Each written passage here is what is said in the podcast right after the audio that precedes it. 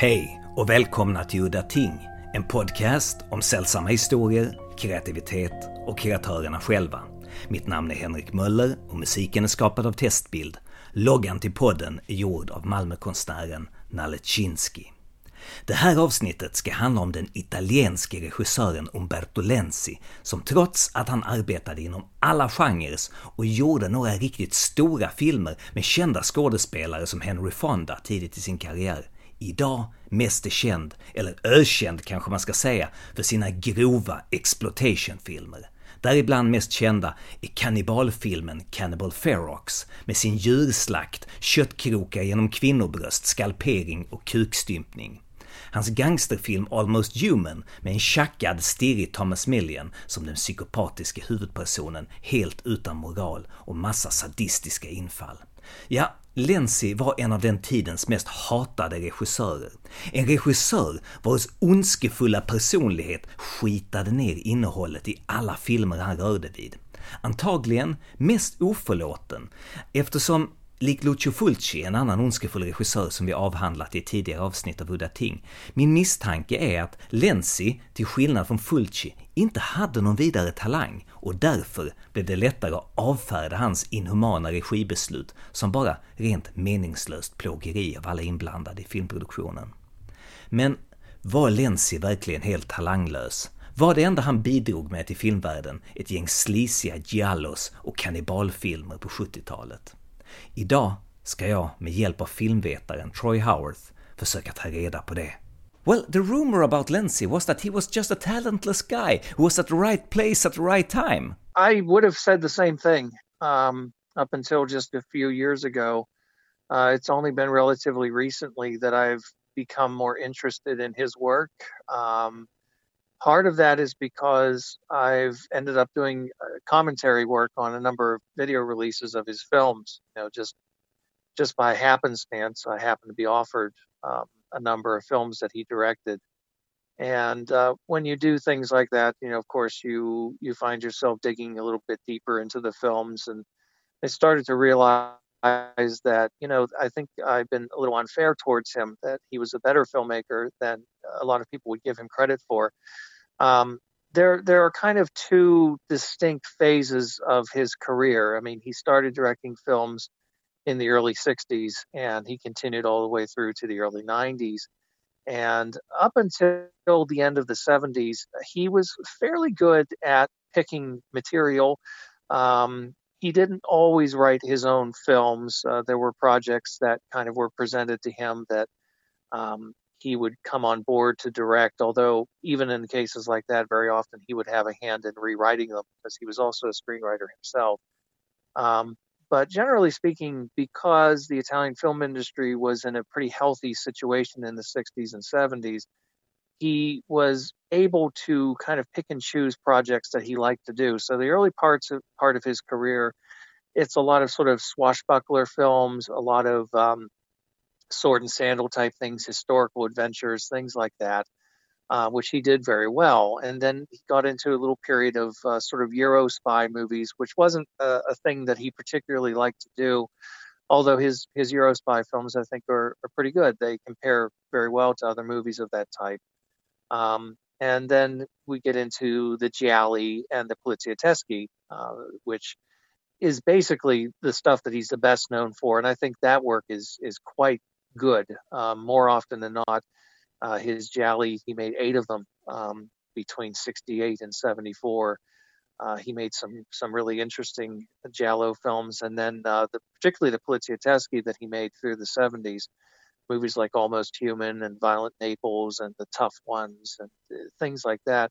He was really well suited to movies like that. So that that whole period of his career from the early 60s through the end of the 70s, um, I think by and large, most of the work that he did then was very good to excellent, um, with a few exceptions. There were a few duds along the way, but that happened.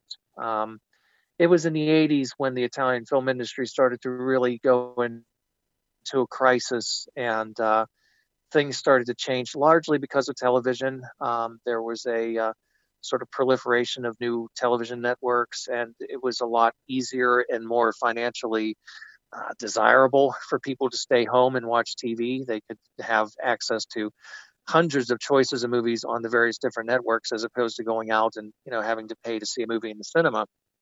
So the 80s saw a real sort of shrinking of resources. Uh, the budgets got lower, the schedules got shorter, and a lot of the things that were being made were horror films, um, sex movies, comedies, things like that. And those weren't genres that he was particularly interested in working in, but he needed to keep working. So he sort of dabbled in a few things here and there, and that's that's where a lot of the the sort of uh, crappy work kind of comes out. But it it wasn't. I think for years I I had a kind of sense of him as oh you know he was just a hack who didn't really care what he was doing, and, and I don't think that was fair. I don't think that was a fair uh, assessment on my part, although I think a lot of people think that. I think he was actually doing the best he could under the circumstances he was working in. I mean, he, he didn't have access to large budgets. Um, he was very often uh, finding himself working with collaborators that he didn't always particularly like working with. Um, you know, actors and things like that that he wasn't necessarily crazy about using, but he was obliged to use them for one reason or another. And I think he was doing what he could with those films, but the deck was sort of stacked against him. So if you look at a lot of the movies he made in the 80s into the early 90s, most of them aren't really all that great. Um, some of them are pretty bad, um, but there's still a few decent ones along the way. So I, I guess what I'm saying is I think that it's understandable if you see the wrong film, you might form the impression that this wasn't much of a director. But if you look at a lot of the uh, a lot of the prime period work in the 60s and 70s. A lot of it is really very, very good. Lenzi, as a person had a very bad reputation, mostly because of his hybris, pretentiousness, and cruelty as a director. Personality wise, he was closer to somebody like Fulci than he was, say, to a Bava type personality. And uh, he and Fulci were actually very good friends. So make of that what you will. Um, he he was known for making very um, very grand claims for himself and for his films. He would say things, uh, you know, that that you know something like Cannibal Ferox or or Eaten Alive is a masterpiece. Uh, comments like that, and I think that you know some of it was pride, but I think there was also a sense of humor there that he understood that uh, sometimes the movies that again he was obliged to make for one reason or another and did what he could with them. Um, but they maybe weren't necessarily always the best films. But he was he was sort of protective of the work, but at the same time, I think he liked to sort of, you know, he created an image of himself as this kind of bit of a blowhard um, and and a bit of a, a braggart. Um, and some of that was was authentic. I think he definitely had a very strong arrogant streak in him. Um, but at the same time, you know, when we talk, for example, a, uh, a lot of the movies from the um, from the 80s and even into the 70s uh, are known for being somewhat misogynistic. You know, a, a, lot of scenes of women getting sort of slapped around and abused, um, sometimes for no no apparent reason. But what's interesting is if you look at the early films from the from the 60s, a lot of those films revolve around very strong women. Um, so I think he was a more complicated uh, and, and uh, uh, a more interesting character than a lot of people maybe think of him as being. Um, some of the lesser films, maybe he was just, you know, kind of uh, bowing to the pressures of certain tropes and certain cliches and so forth. And, you know, he just did what he could under those circumstances. Uh, he was known, like Fulci, for having an explosive temper. Um, when I interviewed uh, Giovanni Lombardo Radice, who worked with both of them, um, he told me that he had no problem with Fulci because he thought that Fulci's outbursts were totally justified, that it was because uh, either he was dealing with a actor who was just a total prima donna who needed to be put in their place, or he was, and he admitted this many times, that he would sometimes just have these kinds of tirades just to kind of keep the crew on their toes.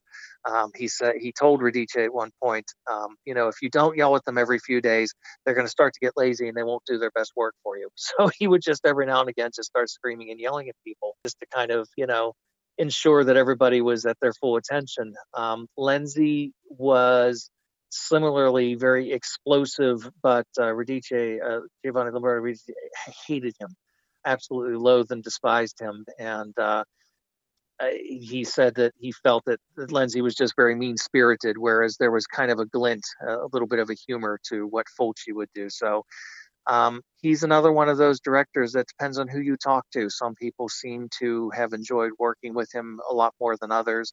Um, there was there are definitely some people who pretty much said, "Yeah, once was enough. I would work with him again." Um, but uh, yeah, I mean, he wasn't, you know, it, that wasn't unique either. There were a lot of Italian directors, especially from that period of the 1960s, who really carried on like that very typically.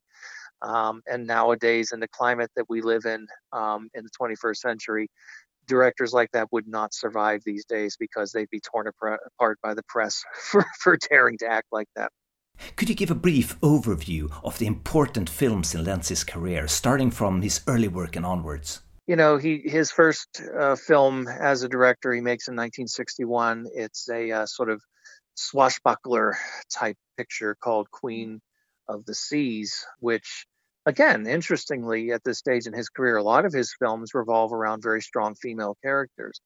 Um, that includes even one of the sort of James Bond knockoff films that he made, a movie called 008 Operation Exterminate, which deals with a female secret agent. So he was actually a little bit progressive there. He made another film called um, Temple of a Thousand Lights, uh, which is almost kind of a uh, a template for an Indiana Jones type film. I mean, it has a similar vibe. Again, kind of a colorful, uh, escapist kind of adventure film, which deals with uh, the uh, the theft of a priceless jewel, uh, which is reported to have some mystical powers. One of the other things that's interesting about a lot of these early films too is that a lot of them do have a, a kind of social conscience that goes through them. Lenzi described himself as an anarchist and uh, he was very much opposed to all the various different sorts of power uh, structures, any kind of um, political system, and so forth. You know, he was very distrustful of. Uh, so you get a lot in his films of sort of very leftist kinds of uh, ideology that comes through, very sympathetic towards the disenfranchised.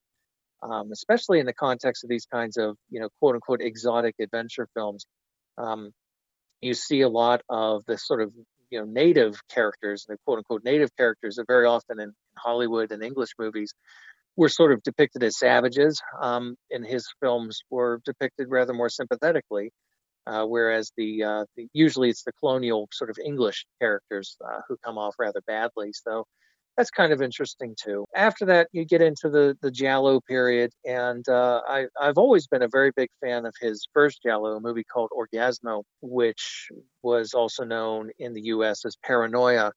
Uh, it gets a little confusing when you talk about Lenzi's Gialli because there are several titles that are very, very similar to one another. Uh, his his first one uh, is called Orgasmo, but it was released in the U.S. as Paranoia.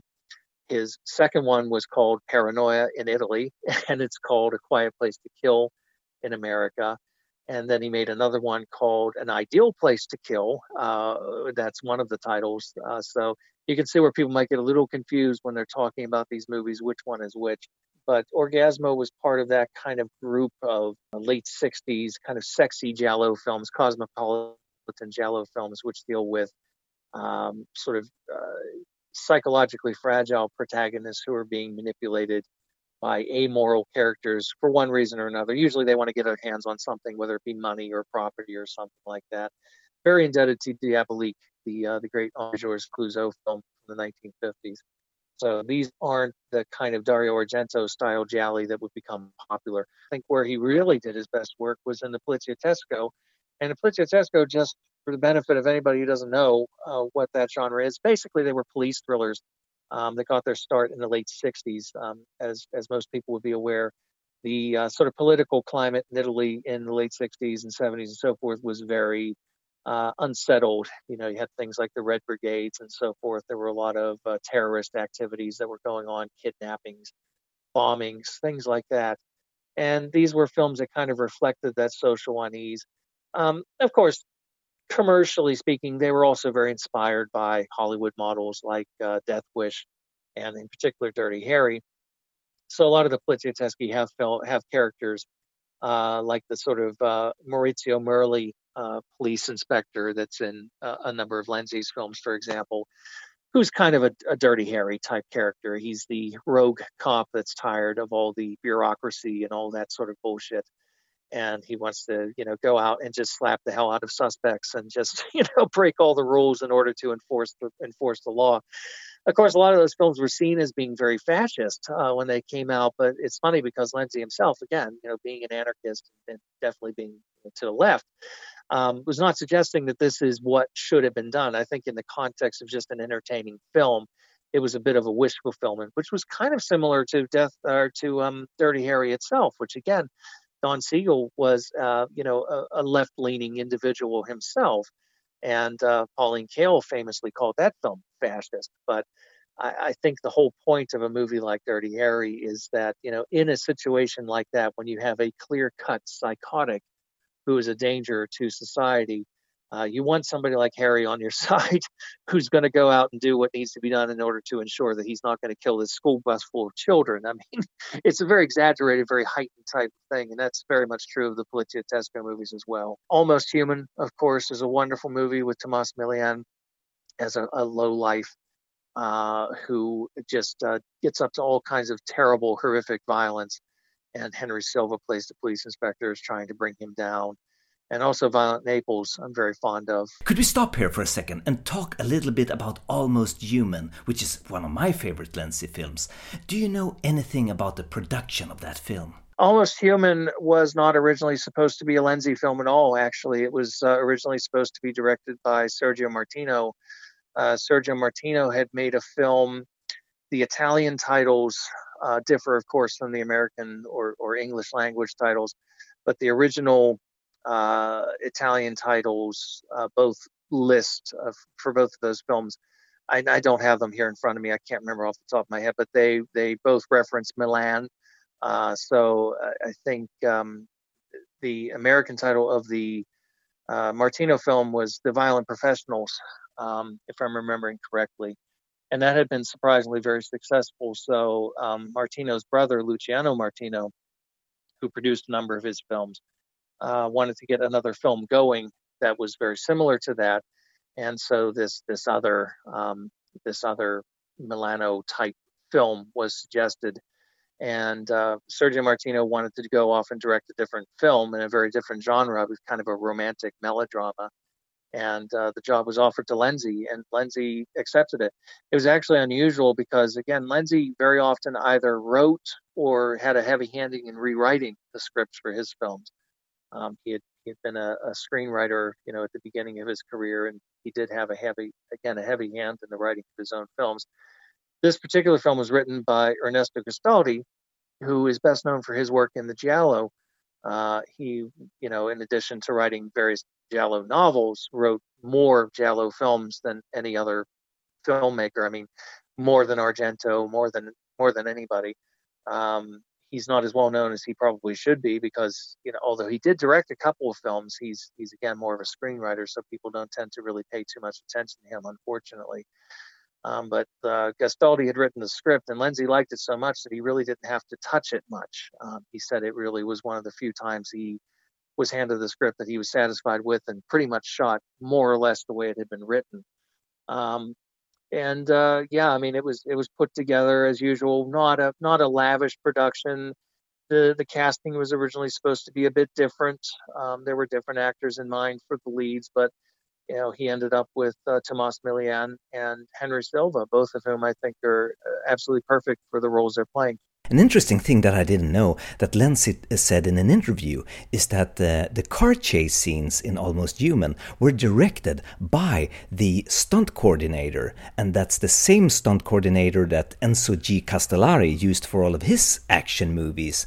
And that's funny because uh, Enzo is known for doing great action scenes, and uh, apparently the, the stunt coordinator directed those scenes, so it, Enzo didn't do them, and neither did Umberto. While we're at it, I'm thinking maybe we should mention Violent Naples. Violent Naples is kind of a sequel, really. Again, it's a similar situation where uh, there had been a film um, by Marino Girolami, who is actually the father of Enzo G. Castellari, who's another director who who specialized in Polizio Teschi back in the 70s and uh, these days probably best known as the director of the original Inglourious Basterds. Um, you know, he's somebody that Tarantino has put up on a pedestal and, and uh, has promoted extensively. But uh, uh, Castellari's father, Marino Girolami, had made a film called Violent Rome, which was enormously successful. It made uh, Maurizio Merli into a star.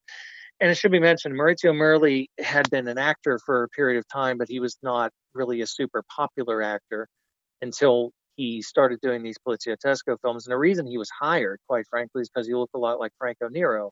Um, Franco Nero had made a film for Castellari called High Crime, in which they had dyed his hair blonde, and of course, famously, he has those those uh, piercing blue eyes. Um, uh, Maurizio Merli is naturally blonde haired, and he also has blue eyes, so he was just you know an ideal kind of candidate to step in and uh, do the movies that uh, Franco Nero was too expensive to do. So Violent uh, Violent Rome had come out and very successful. He played a, a character in that. Was a police commissioner again, very uh, very much a rebel, uh, somebody who is not interested in obeying the rules and, and, wants to just pretty much rule with an iron fist. And uh, so they made a sequel um, called Violent Naples. And uh, again, this was a situation where Lenzi did not write the original script. It was written by Vincenzo Mannino. And uh, although Lenzi didn't really particularly write uh, or rate Mannino all that highly as a, as a writer. He said that Mannino had, had really done his due diligence on the film, had done some research into the kind of mafia scene uh, that was in Naples, had kind of gone and interviewed various different, you know, sort of low level criminals and so forth, you know, members of the mob. Got some good stories out of them and fashions a script, which he worked with. Um, and again, I, I think it's uh, I think it's really one of the best films of that type, and it has some really terrific action scenes. And that's really, I think that's where Lenzi really excelled compared to just about all the other directors in Italy during that time was when it came to doing the action sequences and things like that. Very often, um, incidentally, without the benefit of any kind of permits. Uh, famously, uh, very often they would go and just sort of start shooting and hope that the police wouldn't show up, and if they did, there might be a bribe paid out. Um, but that was cheaper and easier than applying for all the usual paperwork and so forth. So, yeah, I mean, not just staging good action scenes, but also staging good action scenes on the sly. I think that was pretty admirable. So, how did Lenzi become involved in the whole cannibal film genre, a genre that he today is most famous for?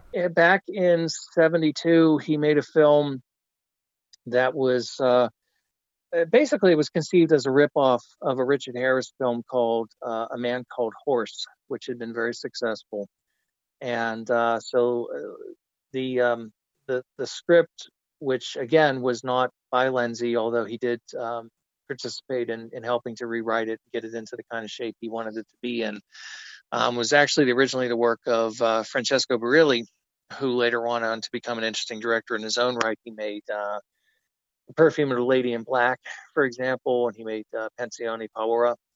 Uh, but at that time, he was working primarily as a screenwriter, and he had written also uh, Who Saw Her Die, very good giallo directed by Aldo Lado. Um, he had hoped to direct that film uh, himself, and he'd also hoped to direct um, the Lenzi film, uh, Man from Deep River, or various other titles. Um, he had hoped to direct himself as well, but that didn't work out.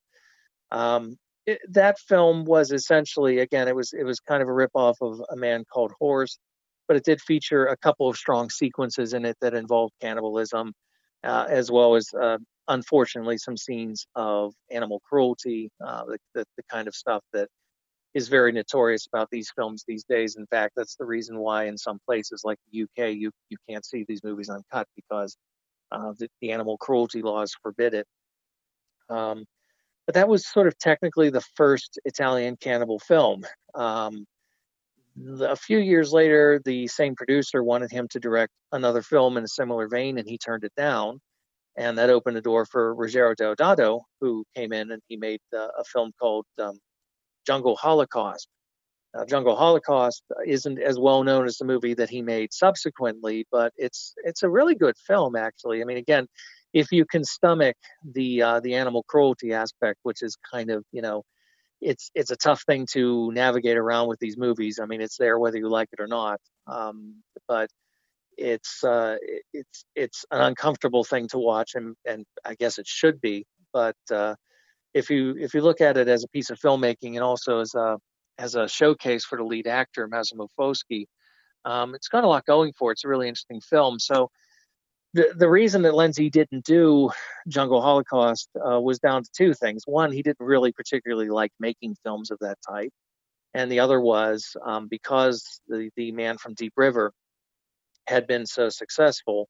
He basically said, "Well, if you want me to make another movie like this, you're going to pay me twice as much." Um, I think he was kind of pricing himself out of it so that he wouldn't actually be asked to do it because, again, it, it really wasn't the type of subject matter he wanted to do. Um, but Jungle Holocaust is successful, of course, and that leads to Cannibal Holocaust, which is the most famous of all the, the Italian cannibal films. And, uh, you know, Lenzi, again, notoriously um, a bit prickly on certain topics and interviews and, uh, you know, not, not exactly um, uh, shy when making a case for himself and his own talents. Uh, but he admitted that Cannibal Holocaust was a great film. He said it's better than any of the cannibal films that I made, but he was always very insistent and very would get very angry when people would, would call Deodato kind of the father of Italian cannibal films. He said, No, I am. he said, I did it first. Uh, and you know, technically he was right. He was he was correct as far as that goes. Uh, but he did admit the Cannibal Holocaust was better than any of the ones that he did.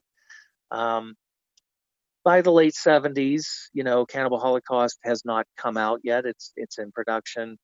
Um, this is part of a trend that is uh, gaining some popularity in Italy at that time. Uh, he's hired to make uh, another cannibal film, so he goes to um, Sri Lanka and he makes Eaten Alive. Uh, where I think the thing that interested him in that film wasn't so much the cannibal angle, because a lot of the cannibal footage in that film is actually stock footage from uh, the man from Deep River, and from Jungle Holocaust, funnily enough.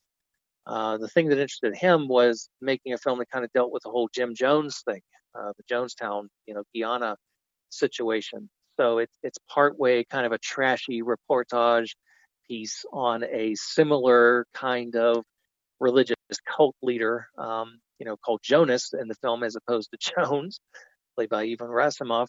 and also there's this cannibal stuff that's going on in the background. Um, and so that film was actually made before Cannibal Holocaust even came out. Uh, but for the same producers, then he's hired to do Cannibal Ferox, which is by far, I think, his most notorious film, um, and a movie that, quite frankly, I, I, think he was really irritated that people kept bringing up because there were so many movies that he was so much more proud of uh, but nobody really wanted to talk about those movies. They were most interested in Cannibal Ferox, um, even though it really wasn't something he was overly fond of or proud of himself. I will now read a short excerpt from an interview with John Morghen, alias Giovanni Radice, and what he says about Lenzi. Differently from Fulci and Deodato, who could be really intimidating and violent, even if not with me, Lenzi was simply tiresome and boring. He had a cramped ego and always wanted to be acknowledged as a genius. During shooting, he wanted to be acknowledged by me as an artist because I was a theater actor and came from an important family. He did not succeed in doing so. When he was trying to tell me that his camera style was on the level with John Ford, I simply sighed and looked at the clouds and waited for him to start shooting. After a short period of time, he stopped trying to impress me and our relationship soured. It's interesting. I mean, again, I, I was lucky enough to um, interview Giovanni Lombardo Radice, so I got to hear his stories. Although, of course, we've heard them many times because he's he's been very open about this many many times. Um, that it was not a pleasant experience. Um, you know, to play devil's advocate, um, when you go back and listen to Lenzi's comments, Lenzi was very um, he was very pissed off by by the stuff that uh, uh, that Giovanni said, but I think with some justification. His whole point was that when they made the film, they got along perfectly well. Uh, he said there were no problems. He said there were no difficulties. You know, they, they, he was very professional as an actor, and he had no no real issues with him. Um, he said it was years later that he started going out and saying all these terrible things and, and making all these allegations and so forth. And Lenzi was very upset by that. Um, other people who worked on the film kind of uh, backed Lenzi up to an extent, although they did say there were some tension over certain things. Um, you know, I, I, think ultimately the truth lies somewhere in between, as is very often the case in these stories. I don't think either man can be taken completely at face value. Um, the the main there were there were a variety of problems. One of them, as Giovanni told me, was that he and Lenzi were just polar opposite as personalities. Um, uh, Giovanni also was very candid that he had a, a, big drug problem during this period of time. One of the reasons he accepted to do the film is because they were going down into the Amazon, and he figured that would be a good place to score some cocaine. Uh, but the village that they were shooting in, there was no refinery, there was nothing like that. He said, "Yeah, you could you could chew on cocoa leaves, but it's not quite the same thing." Um, so I think um, you know he and he wasn't the only one on the film who had that problem. His uh, one of the co-stars also apparently was very disappointed when they went there and realized that yeah we're we're not going to be getting uh, access to all this cocaine we thought we were going to do. Um, Lenzi, of course, is an older man from a different generation. Um, I've never encountered anything that that suggested he had any uh, interest in the drug scene himself. So you know he he was kind of in one camp, and uh, the young people were in a different camp. And um, and so I think they they saw things rather differently. Uh, Lenzi could come across as a braggart. He could come across as very egotistical, and uh, that put John uh, Giovanni off uh, very much as well. Uh, but the big problem really came when it came to do a scene where Giovanni's character has to kill a pig, and um, Giovanni said that he assumed that that scene was going to be faked through special effects, and then Lenzi came up to him very nonchalantly at the end of the one day shooting and said, Okay, tomorrow you're going to kill the pig. And Giovanni said, What? he said, Yeah, tomorrow you're going to kill the pig. And he said, Oh, come on, you, it's going to be a special effect. No, no, why should we know? You're going to kill the pig. He said, I'm not killing the pig. And he said, he said, Well, Robert De Niro would do it. And he said, Listen, Robert De Niro would kick your ass all the way back to Rome. I'm not going to kill the pig. As a matter of fact, he, he didn't even show up on the set that day. Um, the uh, the effect was done with a stand-in. Uh, it was actually the special effects artist who who did um, the scene because you don't see his face, you just see the hands. Um, so the special effects artist did the sequence, um, and uh, he was utterly disgusted by this. Um, I mean, there's no defending it on a certain level. It's just it's the way things were at that time, and unfortunately, before the days of kind of animal protection and everything else. It was not even unique to Italian movies. I mean, it happened on a lot of films. You hear a lot of stories about horses and so forth um, being ill treated and sometimes killed uh, on various uh, Hollywood westerns, for example. And um, when Francis Coppola went to the Philippines to shoot Apocalypse Now, um, he filmed a, uh, sequence of a, a uh, buffalo being slaughtered, which he intercuts with Marlon Brando's death at the end of the film. So it's not unique, um, but again, it's it's a controversial aspect to these films, and it certainly was something that really upset uh, Giovanni, who's who's a big time animal lover. So between all those things and everything else, and and he also said he just he thought the script was garbage. He thought the character was ridiculous. Uh, he you know he just he he was not a happy camper doing that film uh, when I when I approached him to talk about it, I said, I'd, I'd like to talk to you about one of your favorite topics. he laughed, and uh, but he was very nice about it. Told me again, told me some great stories. But I can imagine that would be a very unpleasant film.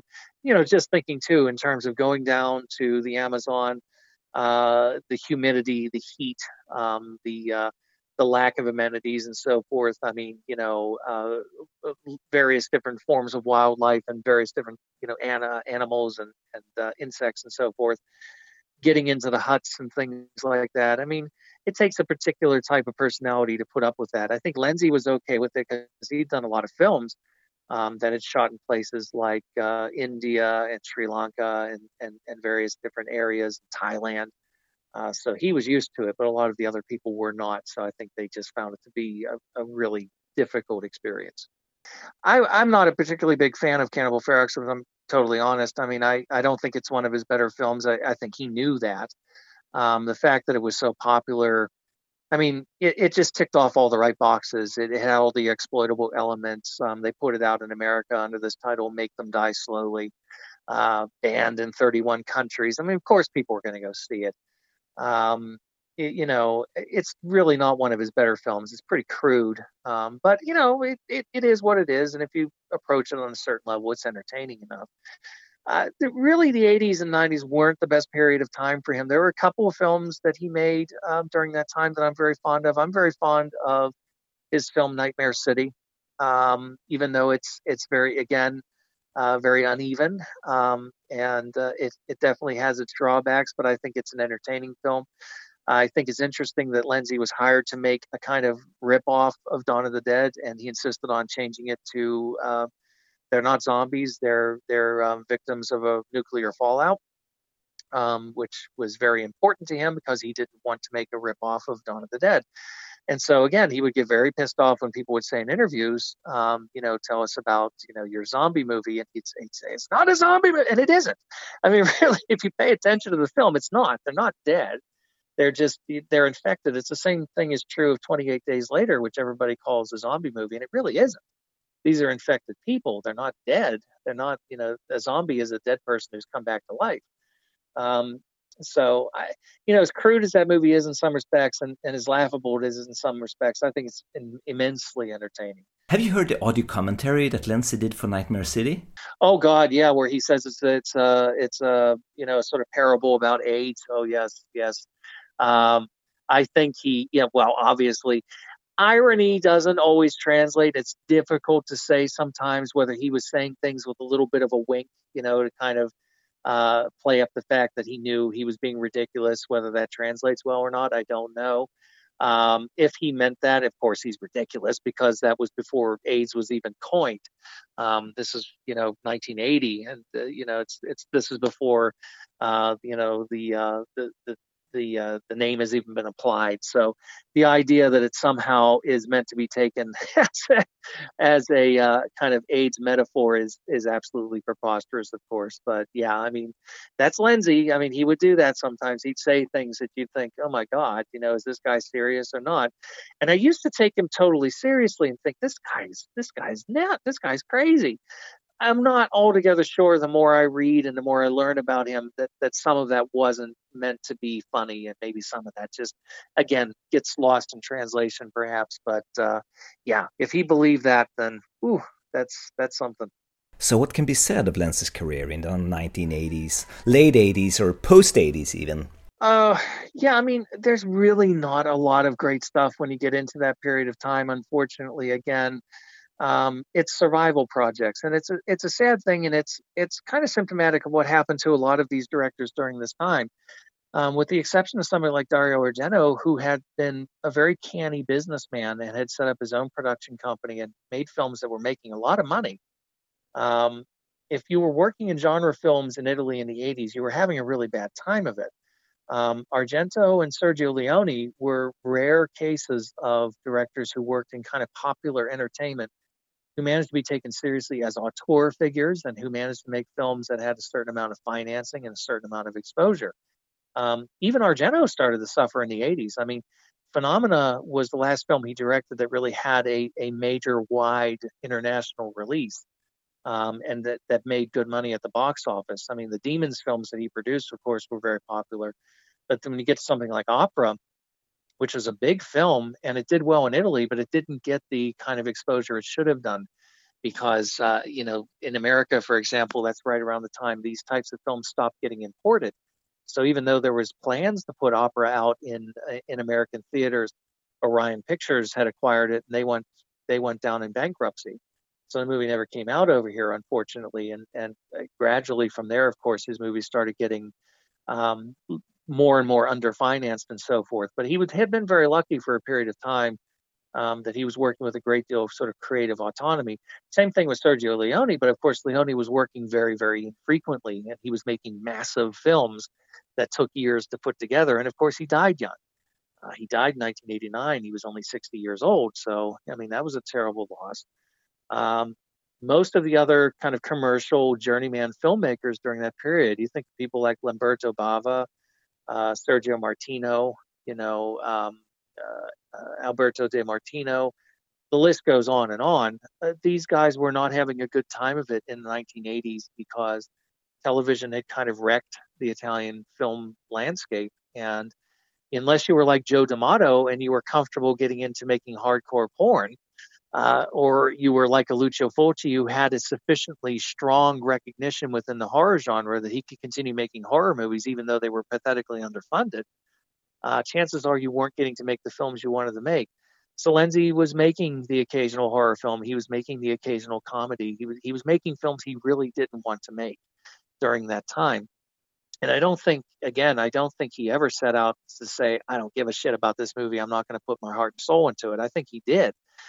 Um, but there's only there's only so much you can do with certain things. Unfortunately, a lot of those late period films are um, are not a great credit to him. And, and again, if that's your familiarity, if if your reference point for Lenzi is something like Cannibal Ferox, um, you don't really, I think, have a great idea of what he was capable of doing when he was at his best. Yeah, it's interesting because one of the early Lenzi films that I've seen is his World War II film uh, from 1967, Desert Commandos, and that's in a whole other league than his later films. So apparently, he did have some talent. Oh yeah, yeah. No, that was his. Uh, that was his first war film. I'm glad you mentioned that because he loved. Uh, he was very interested in history. He was. Uh, he was supposedly a uh, kind of a, a, an authority on the subject of the Spanish Civil War, for example. He he really wanted to make war movies. Uh, he only got to make a handful of them, uh, but he did make a couple of bigger ones, like uh, the Biggest Battle, which had Henry Fonda and John Huston in it, for example. Um, and he was very proud of those movies. And uh, Desert Commandos, I think, is is a good one. Um, actually, uh, speaking of Argento too, Argento wrote a film for him called Battle of the Commandos uh, from 1969. It was made the year, uh, well, technically it was made the same year The Bird with the Crystal Plumage was, but this was when Argento was still working as a screenwriter. So, yeah, he really he really liked when he had an opportunity to make a war movie. But war movies, uh, the uh, so-called sort of spaghetti war movies, are not all that popular. And I think that was one of the things that used to really annoy him when people would sort of bring up things like, you know, Black Demons or Cannibal Ferox or whatever, he'd say, "Why don't you talk to me about you know the greatest battle or from hell to victory?" You know, I worked with Henry Fonda. Why don't you ask me about that? it was just like nobody really cared about those movies, unfortunately. Although um, I, I, like his war movies. I think again they have uh, a good energy to them, and uh, I can see why he was so um, he was so proud of some of them. But it's not a genre that's ever really taken off in, in terms of that type of popularity. So, if we round off this with instead of watching the crude exploitation films, what films do you think people should watch if they want to see Lenzi at his best? You know, I would certainly say in terms of movies that are readily available, because some of them you you can get them, but you you know maybe you won't get a very good copy, and it's you know not ideal. But uh, in terms of the ones that are readily available, definitely Almost Human, I think is. Uh, a really really fine piece of work. That's a really nasty, mean spirited movie that I think has held up really well. Um, it's got some really transgressive moments in it that um, uh, even Tomas Milian was not in favor of. there were some things in that movie he did not agree with. Um, it's pretty pretty strong stuff. I think that's a movie that definitely, you know, if you want to see that kind of um, great flair that he had for action scenes and for making these kinds of really lean, mean uh, police films like that. That's one definitely to check out. Violent Naples is wonderful, but unfortunately, there's not a good, uh, a really good official release of it. Although it's floating around, you can find bootlegs and so forth. Um, in terms of his Gialli, you know, fortunately, um, I think all of them at this point are on Blu-ray. Uh, from, in some cases, you know, several different versions are available. Uh, Orgasmo, definitely a great one to check out. But I also like um, Seven Bloodstained Orchids as well. If you want to see him do an Argento style giallo with the, you know, the killer with black gloves and you know the, the the usual giallo tropes everybody expects, that's a good one to check out as well. Lastly, I should mention that you are in the final stages of putting together a book on Lenzi. I can't really think of anything. I mean, I just I hope that when this book comes out, and it it's um, it won't be out before next year. Um, I've been very lucky to have uh, some great people helping me out with it, getting me great information and so forth. There's a lot of things that I don't think um, have really been uh, sort of put uh, down on paper before. I mean, a lot of his movies people have never really written about before, seriously, certainly not in English. Um, but uh, you know, I hope that people will get a better sense of a interesting and eclectic career that, at its best, um, yielded some really good work. So hopefully, as time goes on, more people will join me and realize, okay, he may not be a great auteur. He may not be, you know, he, he's not Mario Bava. He's not Lucio Fulci. He's not Dario Argento. He's not Sergio Leone um, but he was a good commercial craftsman who made some really good films and I think there's a lot to be said for that. Ja, och med de orden så var det slut för den här gången. Mitt namn var Henrik Möller. Musiken var skapad av Testbild. Hej då!